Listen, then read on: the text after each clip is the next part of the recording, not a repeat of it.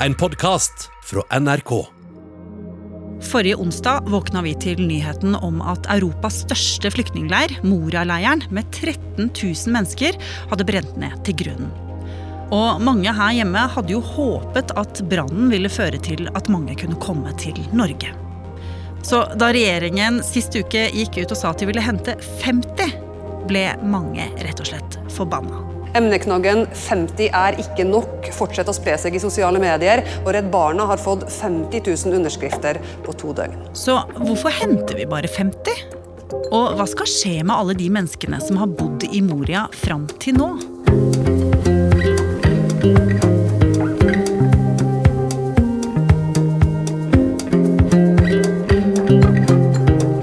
Du hører på Oppdatert.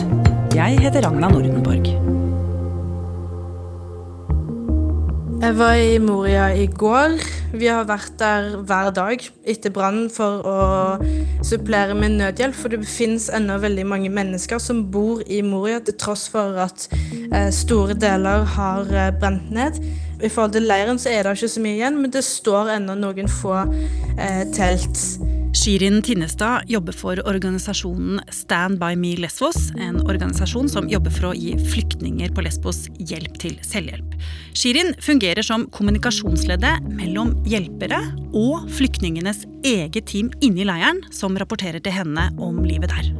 Det første du vil se når du kommer inn, er at det er utrolig mange eh, dyr som er igjen. For det at menneskene som bodde i Moria, de hadde kjæledyr, og de er nå blitt forlatt. Men eh, menneskene som eh, er inne i Moria-leiren ennå, har de nok mat og vann til å klare seg? Det, det fins et vannrør eh, rett utenfor hvor de kan gå for å fylle på vann, og det tror jeg er den eneste kilden. Men når, når vi snakket med dem i går, så forsto vi på de at de har fått eh, mat fra andre steder òg, pluss det at jeg vet at det ligger masse igjen i de andre teltene som de òg eh, går og tar ifra. Mm. Av det som er overlevd etter brannen. Så hvordan vil du si at de har det? Det er jo ille. Men eh, det er ikke der det største nød nå likevel. Den største nøden er langs veien mot Mittelini, som er byen her. Ja, Og hva skjer på den veien der? Nå sitter det tusenvis av mennesker der. Flere av de har ennå ikke mottatt telt eller soveposter, så de sover fremdeles ute under åpen himmel. Det er problemer med å få inn mat. så matdistribusjon er det kjempeproblemer, så de er sultne. Det er problemer med å få inn vann. Folk er tørste. Eh, det er også problemer med sikkerhet, den informasjonen jeg får, at også overgrep eh, begynner å, å komme opp. Hmm. Og Shirin, du står midt oppi dette her. Eh, men for noen dager siden så mottok du, som alle oss andre, nyheten om at regjeringen har bestemt at de skal ta imot 50 flyktninger fra Hellas. Hva er din reaksjon på det? 50 mennesker det er jo ikke nok til å fylle opp en buss engang. Så de 50 er jo kjempeheldige, de som får lov. Det kommer også til å bli de som er virkelig virkelig sårbare. Men hva skjer med alle andre sårbare? Det er fremdeles tusenvis av barn, babyer, måneds, altså dagsgamle, månedsgamle, som kommer til å bli sittende igjen. Hva skal skje med de? Ja, for selv om Norge tar 50, og Tyskland sier de tar 1500, så er det fremdeles mange tusen igjen. Men hvorfor fins dette stedet egentlig? En gigantisk flyktningleir på en ferieøy i Middelhavet? Det er jo veldig rart. For å forstå hvorfor Moria-leiren og Lesbos har blitt sentrum for dette, så må vi nødt til å se på kartet. Vegard Kjørom er reporter i NRK Nyheter. Eh, du har Tyrkia, som ligger i Midtøsten, og så har du Hellas, som ligger i Europa. Og Mellom de to landene så er det et hav som heter Egeerhavet, og det er krydra med mange små greske øyer. Og en av de øyene er Lesbos. Eh, og når du står på det tyrkiske fastlandet, så kan du se over til Lesbos. Og det er det mange av disse flyktningene har gjort, og da har de kommet seg over og akkurat kommet seg innenfor EUs grense. Hmm. Men når ble det en flyktningleir der? Den ble oppretta i 2013 på et tidligere militært område. og Opprinnelig så skulle det være et sånn midlertidig interneringssenter for noen få hundre asylsøkere. Mm. Etter hvert så, så, ble leiren bygd litt ut og hadde en maksimumkapasitet på 2700 mennesker. Eh, men i 2015 så ble vi vitne til så store forandringer i verden at eh, det skulle vise seg at kapasiteten til denne leiren var alt, altfor liten. 10 000 flyktninger kommer til Hellas hver måned nå. Det er seks ganger flere enn på samme tid i fjor. Mange kommer til øya Kos og søker opphold, og mange flykter fra krigen i Syria. I'm sorry to come to this country as a refugee. I wish to come as a tourist or as a student. But uh, this is the case, this is the reality, this is the world. Problemet med Hellas er at landet står midt oppe i en økonomisk krise som gjør at de ikke har særlig med ressurser til å ta imot alle som kommer. FN er bekymret. Det som skjedde, var at det kom veldig mange flyktninger fra Syria, eh, der det herja en eh, fæl borgerkrig. Eh, samtidig kom det òg veldig mange fra Afghanistan, hvor framtidsutsiktene for de unge er veldig, veldig dårlig. Så kom det òg en god del folk fra ulike land i Midtøsten og Afrika som ønsket seg til Europa for å starte et liv på nytt. Men det blir det ganske raskt satt en stopper for. Ja, hvorfor det? Jo, det kommer så mange flyktninger på en og samme tid at eh, det europeiske systemet ikke fungerer. Egentlig er det sånn at alle asylsøkere som kommer til Europa, skal få behandla søknaden sin eh, i det første landet hvor de eh, søker om asyl. Det har ofte ført til at landene i Sør-Europa, hvor flyktningene kommer først, blir sittende igjen med veldig mange asylsøknader.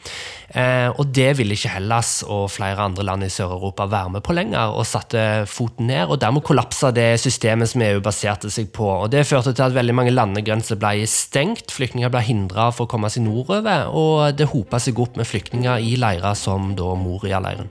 Og etter hvert så begynte jo folk å kreve, også her i Norge, at eh, Europa skulle ta ansvar og hente ut folk fra Moria-leiren. Og i mai i år så sa regjeringen Solberg at det kan de gjøre, men med visse formål. Høyre har altså lovet sine regjeringspartnere at Norge skal hente sårbare barn fra Moria-leiren hvis minst åtte til ti europeiske land gjør det samme. Dette er et forpliktende løfte om å delta når åtte til ti andre land gjør det.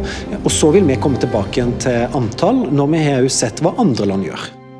Og parallelt med at eh, politikerne diskuterer, så blir forholdene bare verre og verre i leiren, og frustrasjonen øker eh, jo lenger de er nødt til å vente på, på en løsning på den livssituasjonen de har havna i.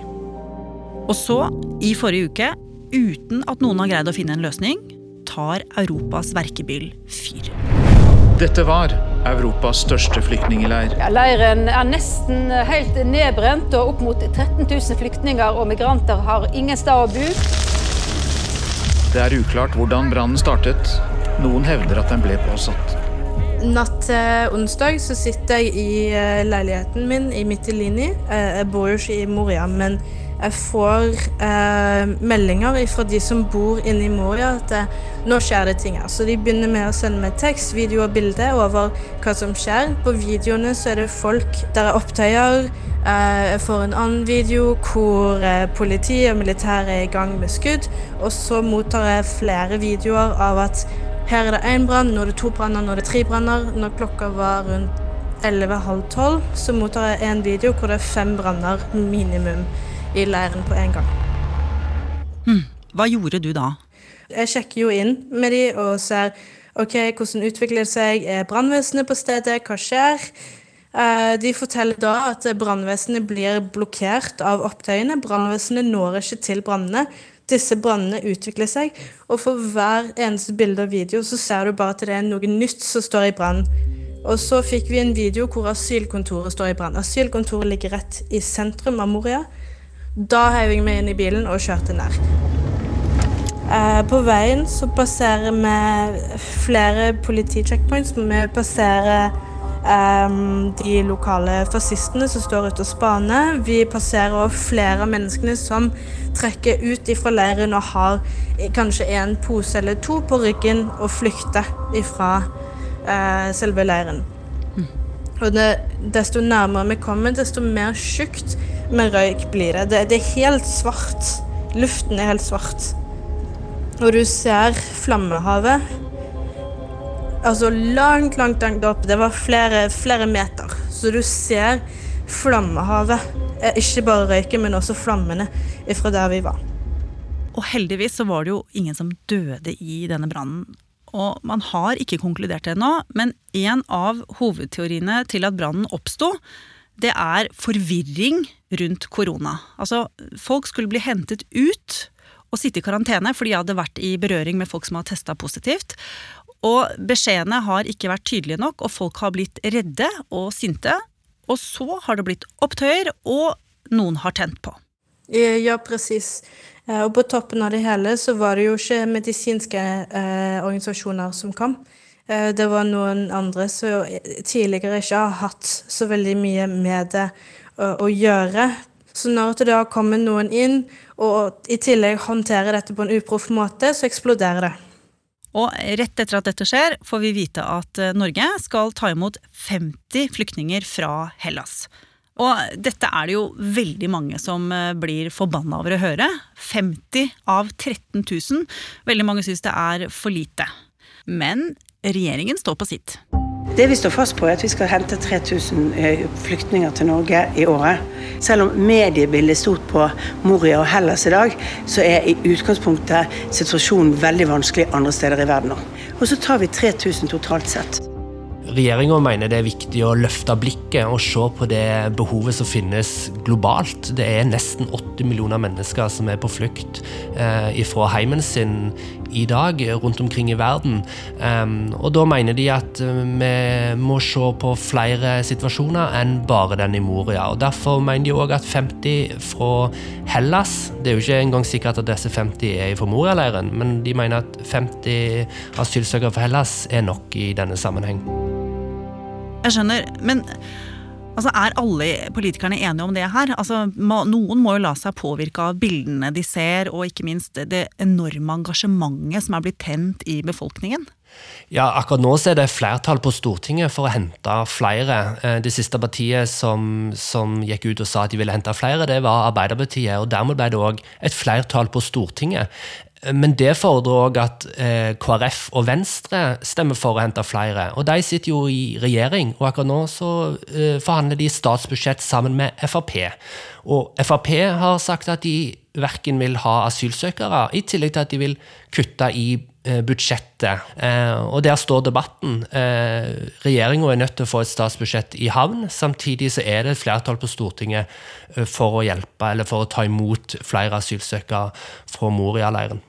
Så det du sier nå, er at KrF og Venstre kunne ha sørget for at det ble flertall på Stortinget for å hente flere fra Moria til Norge. Men fordi de skal bli enige om budsjettet med Frp på Stortinget, så kommer ikke det til å skje. Ja, sånn ser det ut akkurat nå. Det er politisk flertall i Norge for å hente flere, men når en sitter i regjering, så er en forplikta til en avtale mellom regjeringspartiene. Og i dette tilfellet så er òg Frp med i denne avtalen. Og da ser det foreløpig ut til at KrF og Venstre ikke får med seg resten av regjeringa på å hente flere fra Moria akkurat nå. Ok, men hva kommer til å skje med alle de tusenvis av menneskene som fortsatt er strandet på øya Lesbos i Middelhavet? Det har jo skjedd en del etter brannen. En del eh, mennesker har blitt frakta videre inn til fastlandet og skal bli frakta videre ut i Europa, sånn som de 50 som skal til Norge, og det er òg andre europeiske land som har sagt at de nå vil ta imot. Eh, og så er det sånn at etableres nye leirer for de som ikke får lov å komme videre i systemet. Eh, og der vil Hellas gjerne plassere de i disse leirene og bak lås og slå, fordi det er mm, flere tilfeller av korona blant uh, flyktningene fortsatt. Uh, og de vil veldig gjerne ha kontroll på disse flyktningene. Og det er det mange flyktninger som, som, ikke vil. De ønsker ikke å være bak lås og slå, de ønsker å ha en bevegelsesfrihet. Så det har skapt mye uro de siste dagene, det at det nå blir etablert nye leirer på Lesbos. Tror de at brannen kommer til å endre noe for deres situasjon i det hele tatt? Altså Foreløpig er det ikke funnet løsninger på det som opprinnelig var et problem. EU og landene i Europa har fortsatt ikke blitt enige om hvordan de skal løse denne flyktningstrømmen. Og Det som er viktig å huske på, er jo hvor disse flyktningene kommer ifra. For de oppstår ikke i Tyrkia. De kommer fra Midtøsten, de kommer fra Afrika. Og det er en grunn til at de flykter. Eh, enten er det fattigdom, eller så er det krig og konflikt. Eh, og dette er konflikter som fortsatt eksisterer. Det er land hvor det fortsatt er enorm fattigdom. Og så lenge det er slik, eh, så vil det òg komme flyktninger mot Europa. Så det er ingen god grunn til å tro at dette problemet er løst med det aller første.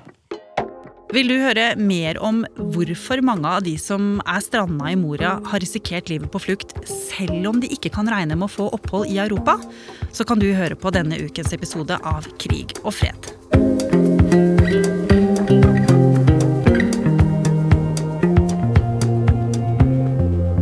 Oppdatert er en podkast fra NRK Nyheter. Og hvis du ikke vil gå glipp av neste episode, så kan du abonnere i appen NRK Radio. Bare søk på Oppdatert, så finner du oss. Denne episoden var laget av Ida Tune Øritsland, Petter Sommer og meg, Ragna Nordenborg. Vil du kontakte oss, gjør det på oppdatert krøllalfa nrk.no.